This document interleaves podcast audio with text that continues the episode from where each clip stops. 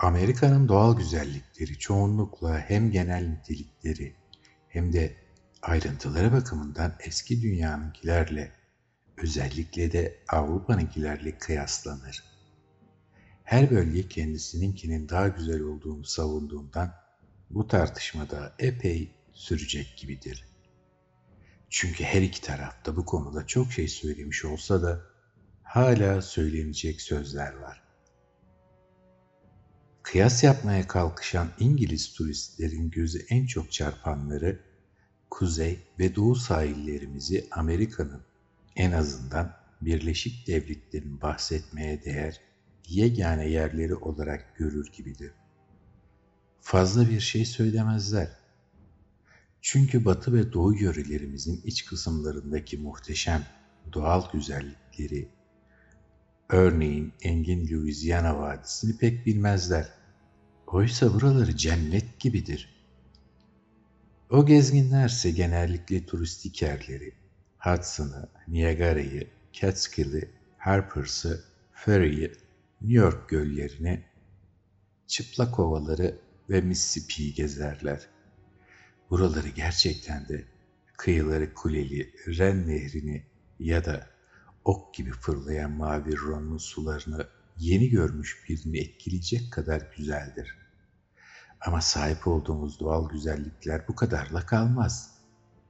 Aslında Birleşik Devletler'de o kadar çok sessiz, sakin, bilinmeyen, neredeyse balta girmemiş yer vardır ki, gerçek bir ressam ya da Tanrı'nın yüce güzelliklerine aşık kültürlü biri, bunları az önce saydığım bütün o daha çok tanınan yerlere mutlaka yeğler.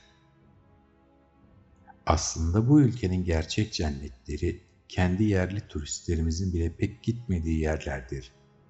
Hal böyleyken bir yabancı, ülkesinde yayıncısıyla Amerika hakkında sınırlı bir zamanda belirli uzunlukta bir yazı yazmak üzere anlaşmış bir yabancı, eline not defterini alıp ülkenin en tanınmış turistik yerlerini gezmekten başka ne yapabilir ki? Biraz önce Louisiana Vadisi'nden bahsettim. Dünyanın belki de en güzel doğal manzarası buradadır. Bu güzelliği hiç kimse yazıya dökmemiştir. Taşkın güzelliği, hayal gücü en kuvvetli insanlara bile ilham verebilir. Aslında güzelliği tek niteliğidir. Yüce bir yanı yoktur. Louisiana Vadisi hafif engebeli arazisi, billur gibi derileri, mis kokulu ormanları ve cıvıl cıvıl öten iri, parlak, rengarenk kuşlarıyla yeryüzünün duyulara en hoş gelen doğa manzarasıdır. Ama bu muhteşem yörenin bile en güzel yerlerine ancak patikalarla ulaşılabilir. Aslında Amerika'nın en güzel doğa manzaralarını görmek isteyen gezginler buralara trenle, istimbotla, atlı menzil arabasıyla ya da kendi arabalarıyla, hatta at sırtında değil, ancak yaya olarak gidebilirler. Yürümek, derin dere çukurlarından atlamak, sarp kayalıklarda boyunlarını kırma tehlikesine atılmak zorundadırlar. Yoksa yörenin en gerçek, en muhteşem ve en anlatılmaz güzelliklerini göremezler. Günümüzde Avrupa'nın çoğunda ise böyle bir zorunluluk yoktur. Hatta İngiltere'de hiç yoktur. En züppe turist bile görülmeye değer her yere ipek çoraplarını kirletmeden gidebilir. Artık bütün ilginç yerler bilinmektedir ve bunlara kolayca ulaşma imkanı sağlanmıştır. Eski ile yeni dünyaların doğal güzelliklerini karşılaştıranlar bu noktaya asla gereken önemi vermemiştir. Oysa eski dünyanın güzellikleri yeni dünyanın ancak tanınmış ama kesinlikle en muhteşem olmayan güzellikleriyle karşılaştırılır. Nehir manzaraları kuşkusuz kendi içinde güzelliğin tüm ana öğelerini barındırır. Zaten en eski çağlardan beri şairlerin gözde teması olmuştur. Ama bu şöhretin çoğu dağlık bölgelerde nehir yoluyla seyahat edilmesinden kaynaklanır. Yine aynı şekilde bütün ülkelerdeki büyük nehirler işlek oldukları için hak etmedikleri bir hayranlık toplar. Daha fazla gözlendikleri için üstlerinde daha çok konuşulur. Oysa daha az önemli ama genellikle daha ilginç dereler göz ardı edilir. Bunun güzel bir örneği Wissahickon Deresi'dir.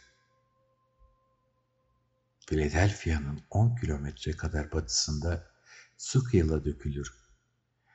Wissahickon öyle güzel bir deredir ki İngiltere'de akıyor olsa bütün ozanların ilham kaynağı olur. Herkesin diline düşerdi.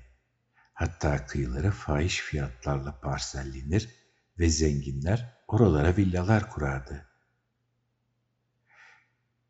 Visakina'nın adı henüz son birkaç yıldır duyulmaya başladı. Oysa içine aktığı daha geniş ve işlek nehir uzun süredir Amerika'nın en güzel nehirlerinden biri olarak tanınıyor. Güzellikleri fazla abartılmış ve kıyıları en azından Philadelphia civarındakiler tıpkı Delaware'inkiler gibi çamurlu olan Schuylkill Nehri güzellik açısından o bahsettiğimiz daha az tanınmış derecikle kesinlikle boy ölçüşemez. Philadelphia'lıları burunlarının dibinde duran ama sadece civarda oturan birkaç maceracı doğa tutkunun bildiği o muhteşem dereden haberdar eden Fanny Campbell oldu. O dereden Birleşik Devletler üstüne yazdığı tuhaf kitabında bahsetti. Ama o günlük herkesin gözünü açınca Isakian hemen bir ölçüde ünlendi. Bir ölçüde diyorum. Çünkü Önder'in asıl güzel kısımları Philadelphia'da doğa aşıklarının normalde gitmeyeceği yerlerdedir. Bu insanlar derenin ağzından sonra en fazla birkaç kilometre gider çünkü araba yolu burada sona erer.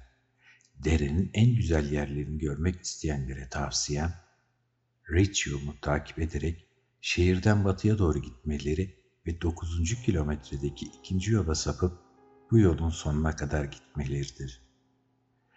Böylece Visakya'nın en güzel yerlerinden birine ulaşırlar. Sonra isterlerse küçük bir kayıkla ya da kıyıyı takip ederek dere boyunca ister aşağı ister yukarı gidebilirler.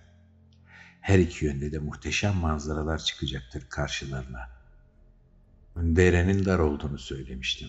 Kıyıların çoğu sarptır. Ama kıyıların dereye en yakın kısımlarında sivri ve yosun kaplı granit taşlar görülür. Berrak dere şırıl şırıl akarken suları bu taşlara hafif hafif çarpar, tıpkı Akdeniz'in masmavi dalgalarının kıyılardaki mermer tapınakların basamaklarına çarpması gibi. Tepelerin önünde çoğunlukla küçük ve bitki örtüsü sık yaylalar bulunur. Buraları bahçeli yazlık evler kurmak için hayal edilebilecek en güzel yerlerdir. Kıvrıla kıvrıla akan derinin dönemeçleri yer yer keskindir. Özellikle de kıyıların sarp olduğu yerlerde. Bu yüzden gezgin ilerledikçe karşısına peş peşe göllerin, daha doğrusu dağ gölcüklerinin çıktığını sanır. Bu arada Visaken güzel Melros'un tersine ay ışığında ya da hatta bulutlu havada değil, güneşin en parlak olduğu öğle vaktinde gezilmelidir. Çünkü kıyıların sarplığı ve birbirlerine yakınlığıyla tepeleri kaplayan sık çalı örtüsü dereyi karartır. Bu iç bunaltıcı olmasa bile manzaranın güzelliğini kötü etkileyen bir faktördür. Geçtiğimiz günlerde tarif ettiğim yoldan dereye gittim ve sıcak ve boğucu bir günün çoğunu üstünde küçük bir kayıkla gezerek geçirdim.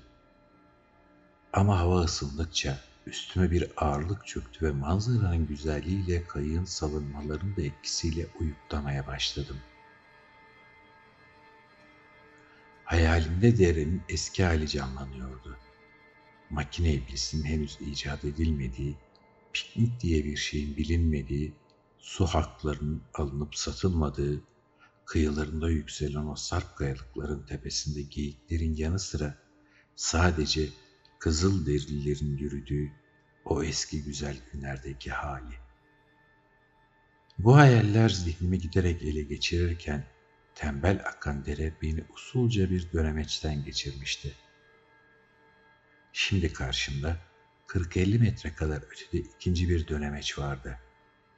Derenin ortalarına kadar uzanan sarp kayalık bir burundu bu.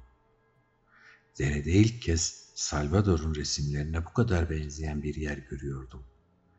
O tepenin üstünde gördüğüm şey elbette oldukça sıra dışı olmasına karşın yeri ve mevsimi göz önüne aldığımda ilkin beni ne irkiltti ne de şaşırttı. Uyuklarken beni avucuna alan hayallere öyle uygundu ki, uçurumun en ucunda, rüyamda kızıl derililerin yanında duran o geyiklerden birini. Onların en yaşlı ve cesurunu gördüm.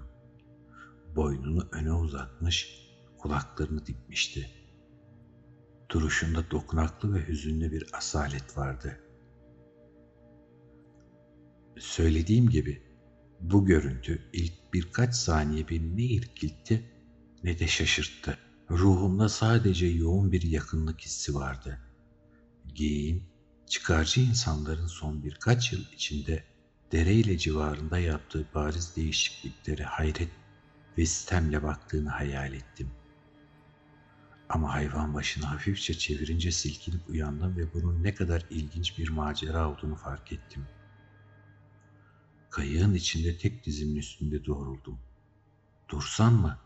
Yoksa o şaşırtıcı geyiğe yaklaşsam mı karar veremeden ilerideki çalıların arasından birinin telaşla ama ihtiyatla şşt şşt dediğini işittim. Bir an sonra çalının içinden bir zenci dalları usulca ayırarak çıktı. Hiç ses çıkarmadan yürüyordu. Bir elinde biraz tuz vardı. Bunu geyiğe uzattı. Hayvan biraz huzursuzlansa da kaçmadı. Zenci elini uzatarak yürümeyi sürdürdü. Bir yandan da hayvanı rahatlatmak için konuşuyordu. Geyik sonunda boynunu eğip ayağını yere vurdu. Ardından da usulca yere uzandı. Boynuna bir yular geçirildi. Geyikle maceram işte böyle sona erdi.